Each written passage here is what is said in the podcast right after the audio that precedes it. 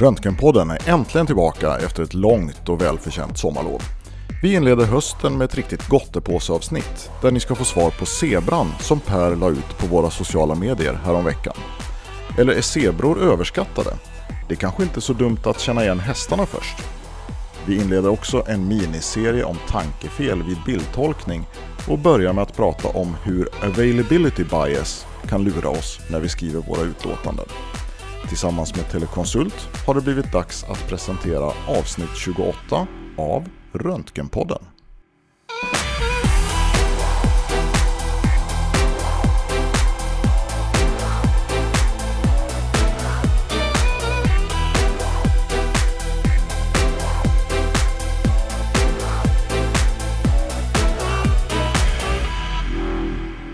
Hej Jörgen, du sitter och skrattar åt min eh, nedräkning som nog inte blev inspelad. Jag skrattar, jag skrattar inte åt dig, jag skrattar med dig Per.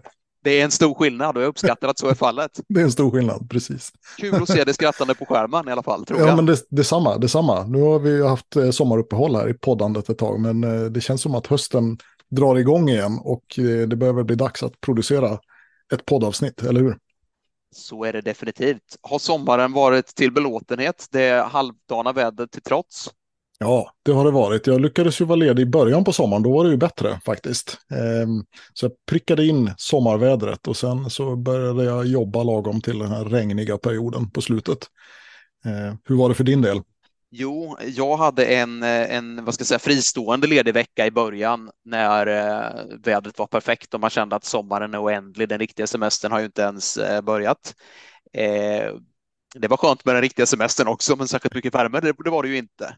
Nej, Nej precis. Jag, tänkte på dig häromdagen. När det, var, det har ju regnat en hel vecka här hemma och så igår kom ett riktigt skyfall. Och då tänkte jag att det måste vara lerigare än vanligt där på Östgötaslätten just nu. Eller hur har ni det? Ja, men så är det ju. Alltså, vi bor ju mitt ute i, i spenaten här och eh, bönderna omkring är väl inte så roade av att det var jättetorrt i början av sommaren när man vill ha regn och är jätteblött nu när man ska skörda. Så är det ju. Nej, precis. Jaha, vad har vi för planer för eh, Röntgenpodden i höst då Per?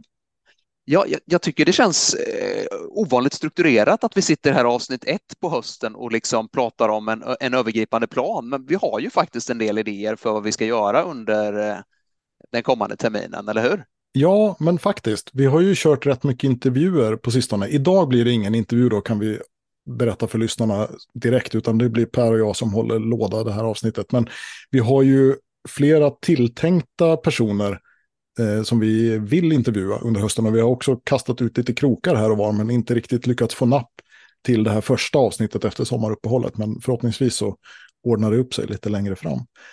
Ja, så är det ju. Och eh, apropå krokar så har vi en del serier med återkommande inslag vi har funderat mm. på. Alltså lite då i motsats till det här eh, med temaavsnitt där man intervjuar någon och, och diskuterar så kan man ju ta ett lite större ämne och, och, och eh, diskutera återkommande och jag skulle vilja efterfråga lyssnarnas hjälp inför ett eh, kommande sådant projekt faktiskt. Eh, för du vet, vi, vi brukar ju prata om eh, zebror i den här podden. Det kommer vi göra idag också för övrigt. Mm. Det vill säga fall som är ovanliga. Man brukar ju säga i medicinens värld att om du hör hovar klappra så ska du i första hand tänka hästar, eller vanliga diagnoser, men ibland är det eh, trots allt en zebra och jag tror att eh, de flesta radiologer tycker det är kul att diskutera zebror och ha sett dem och kunna identifiera någon zebra som, som dyker upp. Eh, då, då, känner man sig duktig och så, men eh, jag tänker att någonstans, liksom, vad ska jag säga, i mellanskiktet mellan den här basala akutradiologin som vi ju till och med har gjort en, en, en kurs för att diskutera mm och de zebror som vi ofta tar upp i podden så finns det liksom någon form av mellanskikt. Mm. Jag tänker på någon sorts ovanlig häst. Jag kan inget om hästar. Vad ska vi, vad ska vi döpa dem till? Jag, jag tänker så här en parallell till ornitologin. Att eh, istället för att liksom se någon eh, väldigt ovanlig fågel, jag är inte bra på fåglar, men någon sibirisk eh, fjälltätting eh, som man skriver på sin lista så är det kanske mer att man kan skilja en sångsvan från en knölsvan. Typ så, eller? Eh, ja, eh, risken är att de här liknelserna blir så avancerade att de snarare skälper än hjälper. Men om vi flyttar över till fåglarnas värld så eh, det är varken en talgoxe eller något sibiriskt, utan jag tänker på de här, ja, de här typen av svanar då. Alltså, tänk dig de fall som kan dyka upp i ditt akutflöde som du absolut är ursäktad för att inte känna igen som ny ST-läkare i primärjourstolen, men som mm. du nog, nog har glädje av att ha sett när du ska vara bakjour eller sista instans på det sjukhus där du är verksam så att säga. Exakt. Jag, jag, är med på vad du menar Per. Jag tycker det låter som en utmärkt idé. För din tanke är då att vi ska kanske ta ett sånt fall per avsnitt eller eh, hur tänkte du? Jo, precis det är tanken. Och mm. det är ju inte så att vi har kommit på det här helt utan att ha några egna förslag, utan vi har ju en liten lista, men det vore kul om man kunde få in ytterligare några. Så kanske den här eh, listan blir lite lagom lång sådär. En, en serie i eh, 8-10 delar hade jag tänkt mig. Mm. Det låter väl som en utmärkt idé. Så det blir ju lite uppmaning till lyssnarna då att höra av sig med förslag på ovanliga men inte extremt ovanliga diagnoser som är bra att ha koll på. Eh, och som man kanske förväxlar med något annat eller eh, som man vet att det ofta kommer frågor kring från ST-läkare som är tidigt i karriären och som ju förr man har hört talas om det och sett det, desto bättre. Eh, ja, alltså gärna, precis, och gärna då sånt som kan faktiskt komma att ändra handläggningen kort tid. Mm, just det. Ja, men det är väl en jättebra idé, tycker jag. Så att då, vad ska vi kalla det inslaget då? Inte zebra, utan Rara häst, fåglar kanske, ja, eller häst. Ska vi fundera på det och så skriver ja, du in det i, i, rubriken till det här avsnittet sen när vi har bestämt oss. Mm, det låter som en bra idé. Vi kommer på en, en lämplig titel. Det, och så tycker jag vi, vi, vi, utlovar att eh, första delen i den här serien kommer nästa avsnitt, för idag har vi ju som sagt en, en zebra med oss i vanlig ordning då. Ja, just det. Precis. Och sen hade jag ju en idé också. Lite i samma anda, alltså ett sånt återkommande inslag eh, som inte behöver ta så mycket tid till varje avsnitt, men, men eh, som ändå hänger samman tematiskt så att säga. Och det var eh, efter att jag såg en artikel, det var flera år sedan jag fick syn på den, nu ska jag försöka allt tabba fram den så att jag säger rätt på titeln.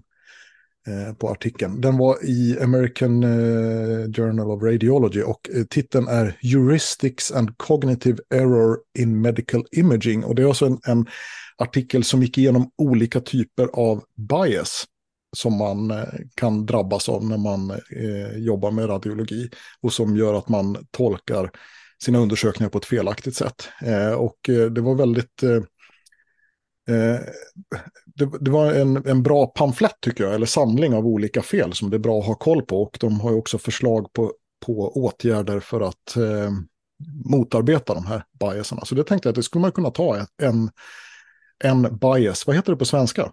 Finns, finns det något svenskt ord för bias? Eller? Bra fråga. Eh, nej, jag kan inte komma på något vettigt. Jag använder nog bias även när jag pratar svenska som någon form av låneord. Ja, men man kan väl säga att eh, från början var ju tanken att vi skulle ha den här som, som en eh, vanlig artikelgenomgång i ett avsnitt helt enkelt. Precis, Men ja. när vi båda läste den så insåg vi att det här kan bli omfattande och det, det kanske lämpar sig för en serie så att säga. Så att det, det, finns många sidospår man kan komma in på från den här artikeln. Så att det är mm. inte bara av lättja som vi delar upp den i flera avsnitt kan man säga. Nej, precis. Men så då kan vi säga att det blir en häst eller rar fågel eller vad vi nu kommer fram till och ett ett bias per avsnitt. Och sen kan det ju eventuellt hända att vi slänger in en quench någon gång när det har hänt något eller så också förstås. Som, som tidigare, eller hur?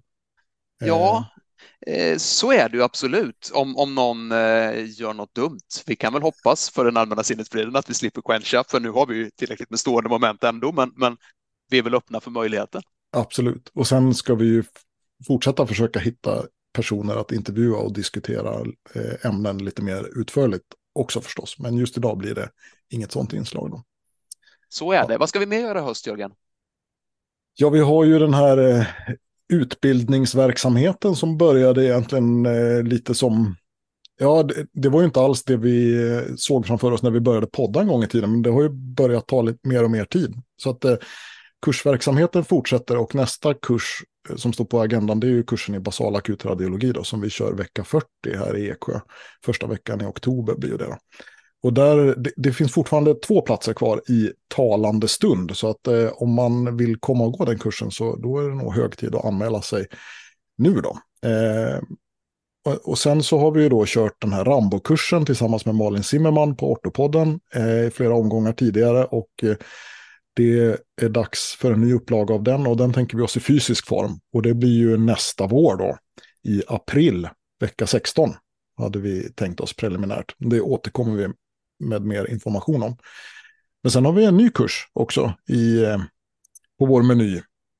Ja, så är det ju. Alltså det här, det här sprider sig som någon form av uh, malign sjukdom, för att ta en dålig liknelse. Eh, nej, men bakgrunden är ju att en gammal kollega till både dig och mig från tiden i Eksjö, John-Olof Svärd, som är kirurg, uh, frågar varför vi inte gjorde en sån här uh, Rambo-kurs för kirurger också. Så, och det, det är ganska länge sedan han frågade nu, men nu har vi fått tummen, tummen ur. ur kanske, eller vad ska man ja. säga, fått, fått tid att titta på ett sådant projekt i alla fall. Ja, det, det, planeras till hösten.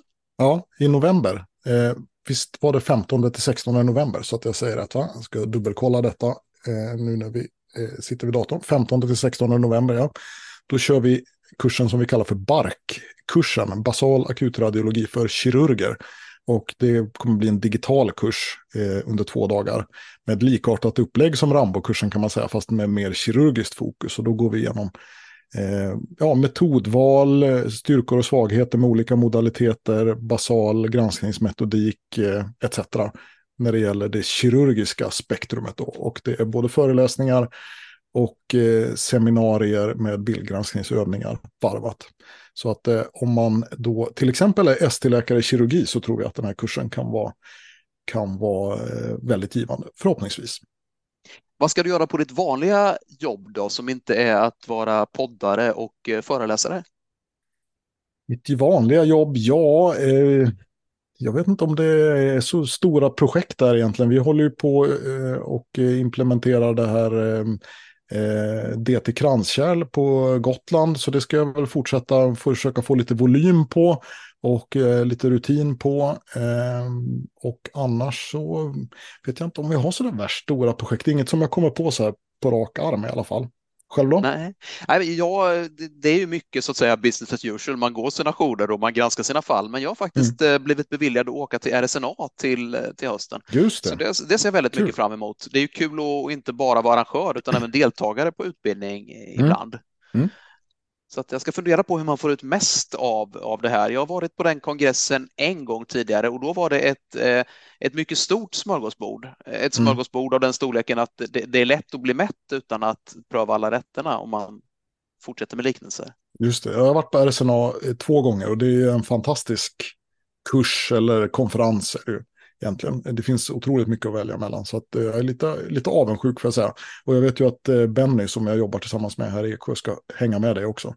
Så vi, det, det, kanske till och med kommer något litet inslag därifrån till, eh, som poddens lyssnare kan få ta del av efter kursen. Vi får se. Vi får se vad vi kan få ut av det. Ja, precis. Ja, men vad roligt Per.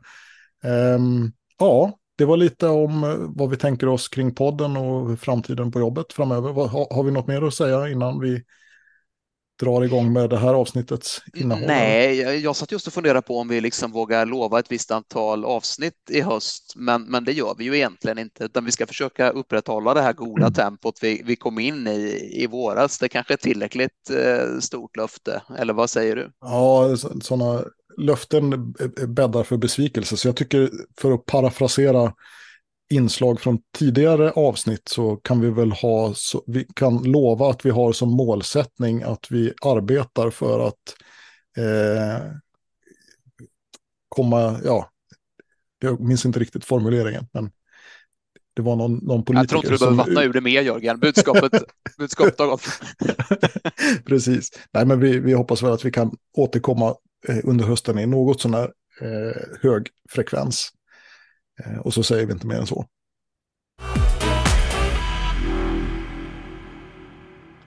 Ja du Jörgen, du brukar ju utmana mig med lite tågtävlingar inte minst, helt mm. oförberett. Och tanken är ju att det ska vara ett stående julinslag, men jag hade redan nu tänkt utmana dig lite på uppstuds så där då, gällande just den här zebran. Det låter ju hotfullt. Ja, du ser lite nervös ut där. ja. ja, det är lite nervöst faktiskt. Men du, du har alltså hittat en, en zebra som du ska testa mig på nu då? Ja, jag har hittat en zebra och tanken är ju då att den här zebran, när ni kära lyssnare hör det här avsnittet, eh, kommer ha legat på Facebook under en tid. Eh, men eftersom avsnittet spelas in lite i förväg så är den ännu inte publicerad och du har inte haft möjlighet att se den, Jörgen, utan min tanke är att du ska försöka resonera dig fram till vad tusan som kan ha hänt här helt eh, oförberedd. Mm. Och i möjligen oklippt eh, livesändning. Det, det, får vi väl se. Men jag hade tänkt att jag skulle börja och dela den här skärmen och så är det då alltså en patient som kommer in med buksmärtor och genomgår då en CT-buk och den, okay. den, ser ut så här. Ja. Och den här bilden då kan man ju lämpligen, om man inte redan har gjort det, gå in och se på Röntgenpoddens Facebook-sida om man på något sätt vill, vill interagera med, med oss eh, eller se vad vi ser när vi diskuterar kanske jag ska säga. Okej, det där såg ju spännande ut. Um, ja. Ja, eh, och för de lyssnare som då kanske inte har sett det här på Facebook så är det här alltså, nu tittar jag på en koronar CT-bild utan kontrast av buken på en patient där kolon ser utspänd ut, både höger och vänster kolon ser ut att vara vätskefyllda jag får ju bara se ett snitt här, men i högerkolon då, kanske sekalpolen och kan det vara terminala ilium längst ner som en korv, så finns det massor med små högattenuerande ringar där. Typ ett eh, 40-tal kanske, eller något sånt. Eh, och då ska jag gissa vad det där är för något förstås. Ja, det är väl liksom lite, lite det yrket alltså, handlar om. Jag är väl medveten om att det, att det inte är en given diagnos, så att säga. Nej, men alltså då tänker jag så här. Eh, de påminner väldigt mycket om sådana här ringar och stavar som man kan ge till patienter för att mäta sån här gastrointestinal transittid. Eh, och om de av någon anledning som jag inte så spontant kan komma på har klumpats ihop eh, och hamnat där. Det skulle det kanske kunna vara. Annars så tänker jag att det skulle vara multipla små gallstenar. Att patienten har fått någon fistulering då från gallblåsan till eh, tarmkanalen efter en kolecystit då, att det är det vi tittar på. Men det är ju lite udda att de kommer i stor klump sådär förstås. Och det ser inte ut att vara någon gas i gallvägarna i det här snittet i alla fall, vilket man ju brukar kunna se då. Annars så, ja, om det är något, någon form av främmande material som patienten har satt i sig. Eh, alltså det förekommer ju att eh, patienter äter hårbollar och bestick och jag vet inte allt. Om det är någonting sånt kanske. Det är mina bästa gissningar so far. Jag, ty jag, tycker att det är alldeles utmärkta gissningar. Alltså gallstenar skulle ju kunna se ut så här, men jag håller med om att mängden är, är väldigt riklig. Och faktiskt de här ringarna och stavarna, de, de dök upp i diskussionen när vi hade det här fallet på kliniken Eh, på den klinik där det utspelade sig också eh, mm. vid, det, vid det tillfället. Eh, jag bör inte nämna exakt på vilken klinik det är eller om det är närtid eller äldre. Vi, vi försöker ju avidentifiera fallen så gott vi kan. Men jag kan väl säga som så att anamnesen här gav trots allt diagnosen och säga okay. så mycket som att det är någonting patienten har ätit. Mm. Eh, jag skulle tro, det kan vara svårt att se av den här bilden, men vid övergången mellan kolon descendens sigmoideum finns nog någon form av struktur och möjligen är det därför det här har ansamlats där det ansamlas. Men det är alltså någonting i kosten som, som har... Mm. Och då ska jag gissa vad det är för någonting, eller? Ja, det börjar ju bli löjligt nu, men du kan väl ge mig ett par förslag i alla fall. Eh, vad kan det vara som ser ut på det där viset då? Det, det borde inte vara stenar tycker jag. De är ju liksom inte täta i mitten på det viset som man skulle förvänta sig. Och det ser ju, de är ju för runda för att vara riskorn, men det är ju den storleken ungefär. Vad kan det vara för något som ser ut på det viset? Eh, det, det är någonting som är säsong. Är det kärnor av någonting eller? Ja, det framkom vid penetrerad anamnes att patienten hade ätit väldigt mycket körsbär. Aha, okej. Okay tydligen hade för vana att svälja mer eller mindre eh, otuggade då. Ja, ja, ja. Ja, okej. Okay. Ja, men spännande. Det heter väl eh, när man äter, när man äter hår och det ansamlas i magen så heter väl det trichobesoar, eller hur? Att man, eh, så här Rapunzel syndrom kallas det för. Trikotilomani har jag hört talas om, men det är kanske mer själva beteendet att äta och besoaren är resultatet i, i eh, intestinalkanalen. Kanske? Ja, men du är inte trikotilomani att man drar dra loss hårtestar, eller? Inte det kanske det är. Man äter det upp kanske det är. Men jag funderar på om det finns någon latinsk term för att äta, äta kärnor. Men det... Vi, vi får väl be lyssnarna om, om hjälp. Om du kan ja. någon latinsk eller för all del grekisk term som beskriver ätandet av kärnor så inkom gärna till Röntgenpodden. Ja, just det. Ja, men vilket spännande fall. Men hur kommer det sig att de hamnade just... Man tänker sig att de borde ha åkt fram hela vägen till strukturen. Men, eh, ja, eller hur? Och det är ju en jättebra fråga. Alltså jag, jag, vet inte om, om den här patienten hade ätit väldigt mycket kärnor samtidigt eller om det trots allt är så att eh, ansamlingen inte är fysiologisk. Alltså patienten har ett begynnande kolon ileus. Mm. Eh, men, men, men det, är, det är bara spekulationer från min sida. Eh, men visst har du väl någon gång granskat en CT där en gastroenterolog säger att eh, vi ska göra en kapselendoskopi av den här patienten med Crohns sjukdom eller vad det mm. nu kan vara. Mm. Och sen har vi bett eh, patienten svälja en sån här patency-kapsel i förväg för att se om tunntarmen är öppen och den har inte kommit ut den vanliga vägen. Nej, kan ni se om den har passerat tunntarmen och, och den ligger nästan utan undantag i säkum. Eh, ja, det har du kanske rätt i. Ja, det, det stämmer nog när du säger det. Ja.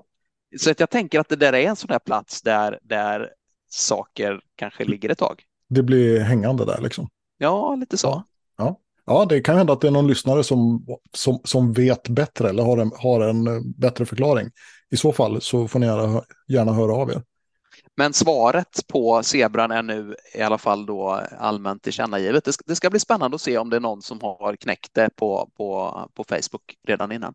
Ja, ja, det blir jag imponerad i så fall. Kul Per! Det här avsnittet sponsras av Telekonsult. Vi arbetar med elektiv och akut teleradiologi och kan erbjuda attraktiva tjänster för radiologer som önskar jobba deltid eller heltid. Vi har verksamhet i Sverige där man kan välja att jobba hemifrån eller från vårt kontor i Malmö. Vi erbjuder också möjligheten att jobba utomlands, från Bali, Nya Zeeland eller Barcelona. Ska du till Röntgenveckan i Uppsala den 12-15 september så besök oss gärna för ett samtal i vår monter nummer 4 på plan 6. Du är alltid välkommen att kontakta oss via mail på info telekonsult.net eller besök vår hemsida www.telekonsult.net. Och just det, Telekonsult stavas med C. Det var ett tag sedan vi eh, hade en artikelgenomgång i podden, Jörgen. Mm, det var det. Men nu är det dags igen och som vi var inne på tidigare så är tanken att vi ska dela upp den här artikeln på flera avsnitt och, och, inte bara av lättja utan för att vi tycker att det finns, eh, det finns väldigt mycket trådar man kan rycka i och diskutera baserat på, på artikeln. Ja, precis. Och det, artikeln i fråga då, eh, den hette alltså Heuristics and Cognitive Error in Medical Imaging. Och så var den, den publicerades 2018 så den har några år på nacken men temat är ganska tidlöst så det, det har ingen betydelse tycker jag utan det var en bra samlingsartikel. Ja, och redan, redan i artikelns första ord så, eller, så, så, kommer en term som kan ses som främmande tror jag för en del av uh, lyssnarna i alla fall. Mm, heuristik, precis. Vi diskuterade lite innan vi tryckte på record här och försökte komma på förklarande exempel eh, för varandra som, som illustrerar vad heuristik är. Det, det är ju en, en, metodik kan man säga för att, att komma fram till det mest det mest sannolika alternativet i en viss situation. Och när det gäller bildtolkning så är det ofta det mest sannolika diagnosförslaget eller differentialdiagnosen.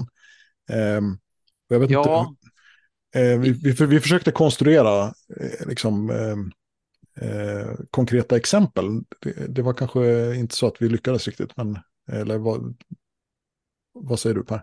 Nej, men vi kan väl eh, delge lyssnarna några av dem. Men tänker, I artikeln så har man ju så att säga eh, ett försök till en definition av det här begreppet. Ja. Eh, som finns att läsa i sin helhet. Men jag tycker första meningen är väldigt informativ. A heuristic is a mental shortcut that allows rapid problem solving based on assumptions and past experiences. Just det. Precis. Och du associerade lite till böcker du hade läst, eh, bland annat den här Thinking Fast and Slow av eh, Kahneman, eller hur?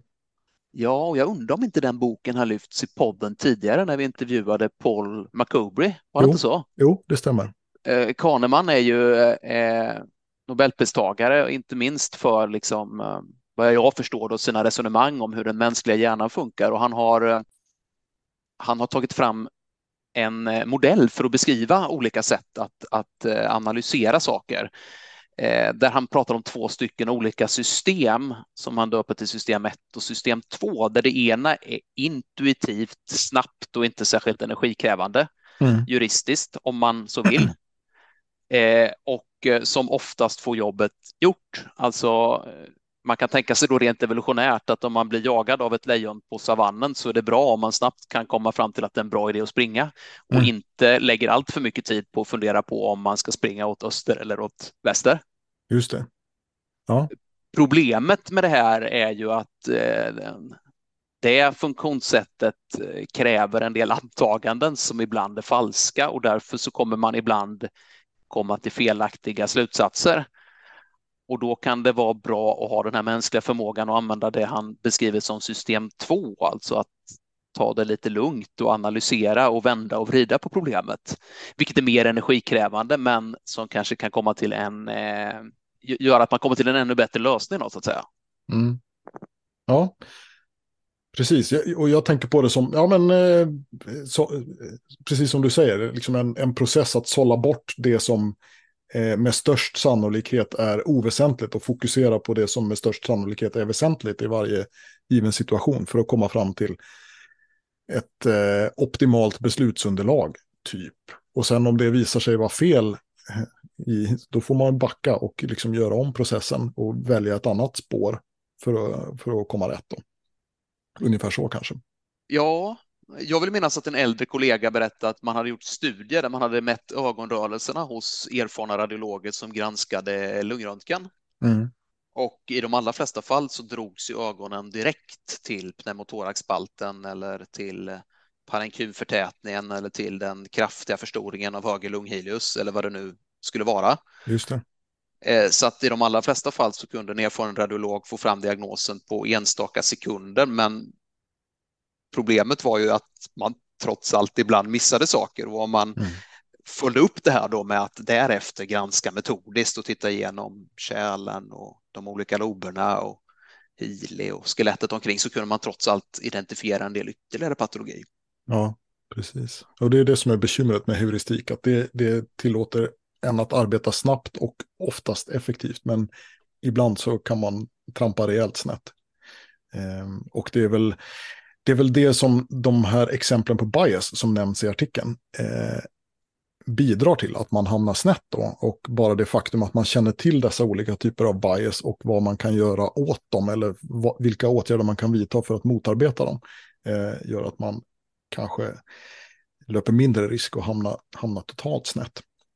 Ja, alltså här eh, så i artikeln går man ju igenom ett antal olika typer av kognitiv bias mm. eh, som, som eh, orsakas av eh, ett misslyckande helt enkelt i det här heuristiska systemet. Mm. Och det finns olika sätt att minska skadan av dem, men att, att så att säga känna till att de finns är väl det som är gemensamt för alla typer skulle jag säga. Ja, exakt. Så... Och det, det pratar vi också lite om det här begreppet bias, om det fanns något bra svenskt ord för det. Ja. Du ställde mig den frågan när vi satt och förberedde avsnittet och jag blev det svaret skyldig, för jag skulle nog använda bias även när jag pratar svenska. Ja, precis. Jag funderade på det själv, men jag kom inte på något bättre ord. Eh, jag vet att jag ibland eh, liksom tappar svenska ord för saker och ting och det tycker jag alltid är lite av ett misslyckande. Eh, att jag använder engelska termer istället. Jag ska försöka undvika det. Men just bias hittar jag faktiskt inget, inget svenskt begrepp som, som har sam, exakt samma innebörd för. Så att jag får nog ändå fortsätta använda ordet bias. Då. Jag tänker att bias är någonting som ger ett, ett systematiskt fel av något slag. Ett fel som inte är slump mässigt så att säga. Mm. Ja, och re redan den förklaringen är ju lite otymplig att använda istället för ordet bias. Eh, men eh, ja, vi, vi, får köra vidare på det ordet. Vi kanske inte ska utveckla introduktionen så mycket längre utan att vi eh, hoppar på det första av artikelns eh, exempel på bias och så ägnar vi oss lite grann åt det, eller vad säger du? Det tycker jag. Vilket är, de har listat dem i bokstavsordning här. Vilket, vilket kommer först, Jörgen? Eh, det första heter availability bias och de här olika biaserna, eller hur man nu säger på, på svenska, de, eh, de har korta beskrivningar som är så pass korta så att jag tycker faktiskt att vi kan läsa dem i, i in extenso från artikeln. Och då står det så här om availability bias. Availability bias refers to the tendency for diagnostic assessments to be unduly influenced by easily recalled experiences. For radiologists, memorable cases can exert an undue effect on the interpretation of subsequent cases. Prior cases may be easier to recall if they were recently interpreted, associated with an unusual diagnosis, or associated with a personal error. Such cases may exert a disproportionate effect on diagnostic thinking compared with other more routine cases or cases from the remote past. To help avoid availability bias, radiologists should refer to sources of information beyond one's personal experience, including relevant peer reviewed publications and second opinions from colleagues. Such measures may help to inform a radiologist about the true likelihood of a particular diagnosis in a given setting. Ja, alltså i korthet, man identifierar det man redan känner till. Om man har en känslomässigt förstärkt eh, erfarenhet, kanske man ska säga, av, av eh, någon viss typ av patologi. Man har missat mm. något och fått en eh, smäll på fingrarna i ett tillägg någon gång. Då är man kanske extra noggrann, lite väl noggrann ibland, med att sätta upp den diagnosen i listan över differentialdiagnoser. Exakt, och eh, just det här med att om man har identifierat ett lite spektakulärt fall så kommer det ganska högt på medvetandelistan när, när det kommer något likartat case nu sa jag det, likartat fall eh, framöver. Eh, även om det statistiskt sett är väldigt osannolikt att det skulle dyka upp igen. Då. Jag tänker på de där körsbärskärnorna. Nästa gång du ser något i kolon då kanske man tänker på det istället för vad som nu skulle vara mer sannolikt. Ringar och stav kanske. Jag vet inte. det var ett dåligt exempel. Men, har du ja, men de, de, har ju ett bra exempel i artikeln också där det är någon eh, neuroradiolog som identifierar ett eh, stort aneurysm i bakre skallgropen hos en patient. Mm. Vilket bekräftas alltså på, på en MR-bild och sen bekräftas det med en, en angiografi. Och mm. sen har man då sett att samma neuroradiolog under samma dag satte upp jätteaneurysm på en lista över differentialdiagnoser när det gäller en eh, kontrastladdande expansivitet i cella som, som såg typiskt ut som ett, ett makroadenom helt enkelt. Och då menar de på att hade inte den här radiologen sett ett jätteaneurysm samma dag så hade det nog inte stått där för bilden var ganska typisk för det betydligt vanligare tillståndet mm. adenom helt enkelt. Ja, det är väl ett jättebra exempel. Jag kommer att tänka på, på en annan, ett annat fenomen. Eh, att det, det, förekommer lite av modediagnoser eller modefrågeställningar eller, eller sådär, att det går lite i cykler. Så att på, på de flesta sjukhus tror jag kanske att i, i något skede så har det kommit många patienter med en viss frågeställning. Jag minns när jag började ST i Eksjö att det var väldigt, eller väldigt, men det var oproportionerligt vanligt att det kom frågeställningar om mesenterialkärlsischemi eller tarmikemi, mesenteralkärlsokklusion på patienter som vi skulle köra bukar på. Eh, som jag tror hängde samman med att det var ett, eh, ett bukfall där den diagnosen då hade blivit missad och att det inte slutade särskilt bra. Då blev man förstås extra vaksam på det framöver. Och det där kanske fler kan känna igen sig i. Att eh, ett, ett specifikt fall kan leda till att man får en lite skev, skevt fokus på, på följande fall också. Ehm. Ja, det är väl availability bias på kliniknivå någonstans. Alltså. Ja, ja, precis. Jag kommer att tänka på en annan episod som visserligen inte har med radiologi att göra, men eh, alltså, min fru är ju distriktsläkare och när hon var, var ST-läkare och ganska senior sån så randade hon sig på någon av medicinklinikerna och hamnade väl några enstaka pass på akuten mm. och märkte att hon, hon var ju mer benägen att skicka hem patienter än hon hade varit när hon var där i egenskap av AT-läkare på medicinen och också mer än vad ska jag säga, internmedicinska ST-läkare med samma grad av, av erfarenhet. Mm. Eh, men det är klart, om, om man tittar på vilket patientklientel som söker i allmänhet på, på en allmänmedicinsk mottagning så är de ju inte inläggningsfall medan en stor andel av de patienter som söker på medicinakuten faktiskt är det. Ja. Jag funderar på om det kan vara så att säga. Tänk att hon kanske hade med sig en referensram från eh, patientpopulationen på distrikt som inte riktigt var applicerbar på, på sjukhusbesökarna. Är det så du tänker eller? Ja, men om man tänker ytterligare ett steg så går det att diskutera så att säga eh, vad som är rätt. Ibland kan ja. man ju känna att det blir en, en väldigt stor försiktighet, alltså den där mesenterialkärlsokklusionen som föranledde många, många röntgenundersökningar kanske då i medicinens värld kan motsvaras av väldigt många infarktobservationer hos patienter med, med bröstsmärta som inte talar för hjärtinfarkt. Va, vad mm. vet jag liksom? Nej, precis. Mm.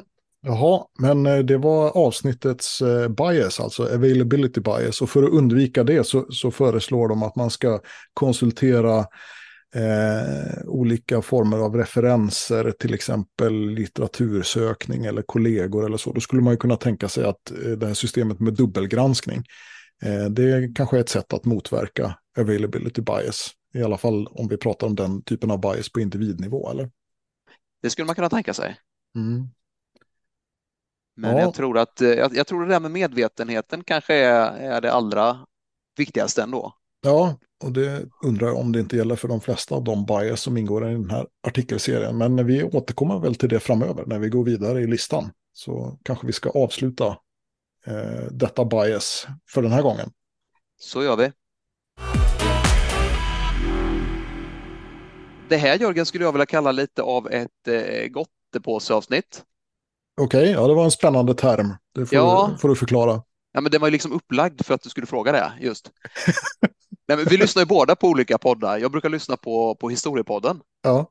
Det måste vara en av Sveriges stora eh, poddar som, som äh, jag tycker är väldigt bra. Och de, ibland kan de ju ha ett stort ämne. Pratar man om franska revolutionen, då pratar man om det.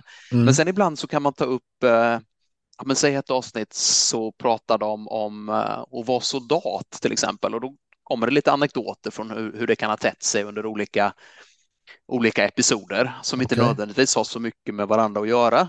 Mm. Och jag tänker här, kanske lite krystat, men vi har ju ingen intervju utan vi pratar lite, lite kognitiva misstag. Vi pratar lite om vad vi ska göra i höst och vi pratar lite om att svälja körsbärskärnor. Det är liksom Just det. lite, lite av varje. Ett gottepåse-avsnitt om att vara radiolog och poddare, typ, eller? ja, kanske så. kanske det. Ja, nej, men det var väl en bra liknelse. Men eh, ja, historiepodden, du har pratat med, med mig om det, det, den podden förut. Just den har jag missat. Jag har lyssnat på en hel del poddar, men inte den faktiskt. Men eh, den, eh, den är bra, har jag förstått. Ja, den är lite mer allmänt hållen. Jag, jag tror att vår egen podd får väl ses förmodligen som en av de mer nischade poddarna där ute. Hur menar du nu?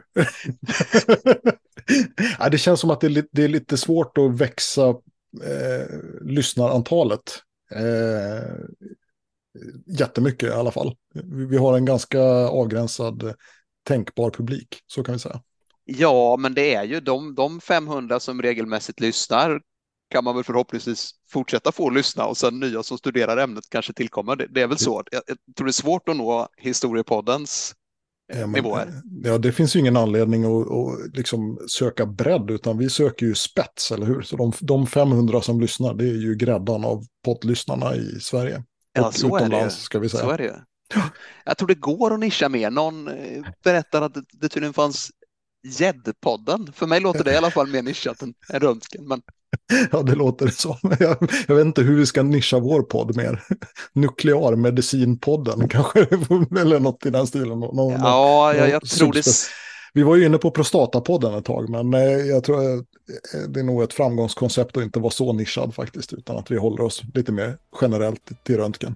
Alltså lyssnarantalet var ju betydligt lägre i de avsnitt som hade med prostata i titeln. så den, den, vägen ska vi nog inte gå. Nej, jag tror inte det. Ja, nej. nu svamlar vi lite Per. Ska vi försöka samla oss till ett, ett avslut? Eller det känns som att vi har mjölkat eh, ut eh, det mesta som går att få fram av det här avsnittet.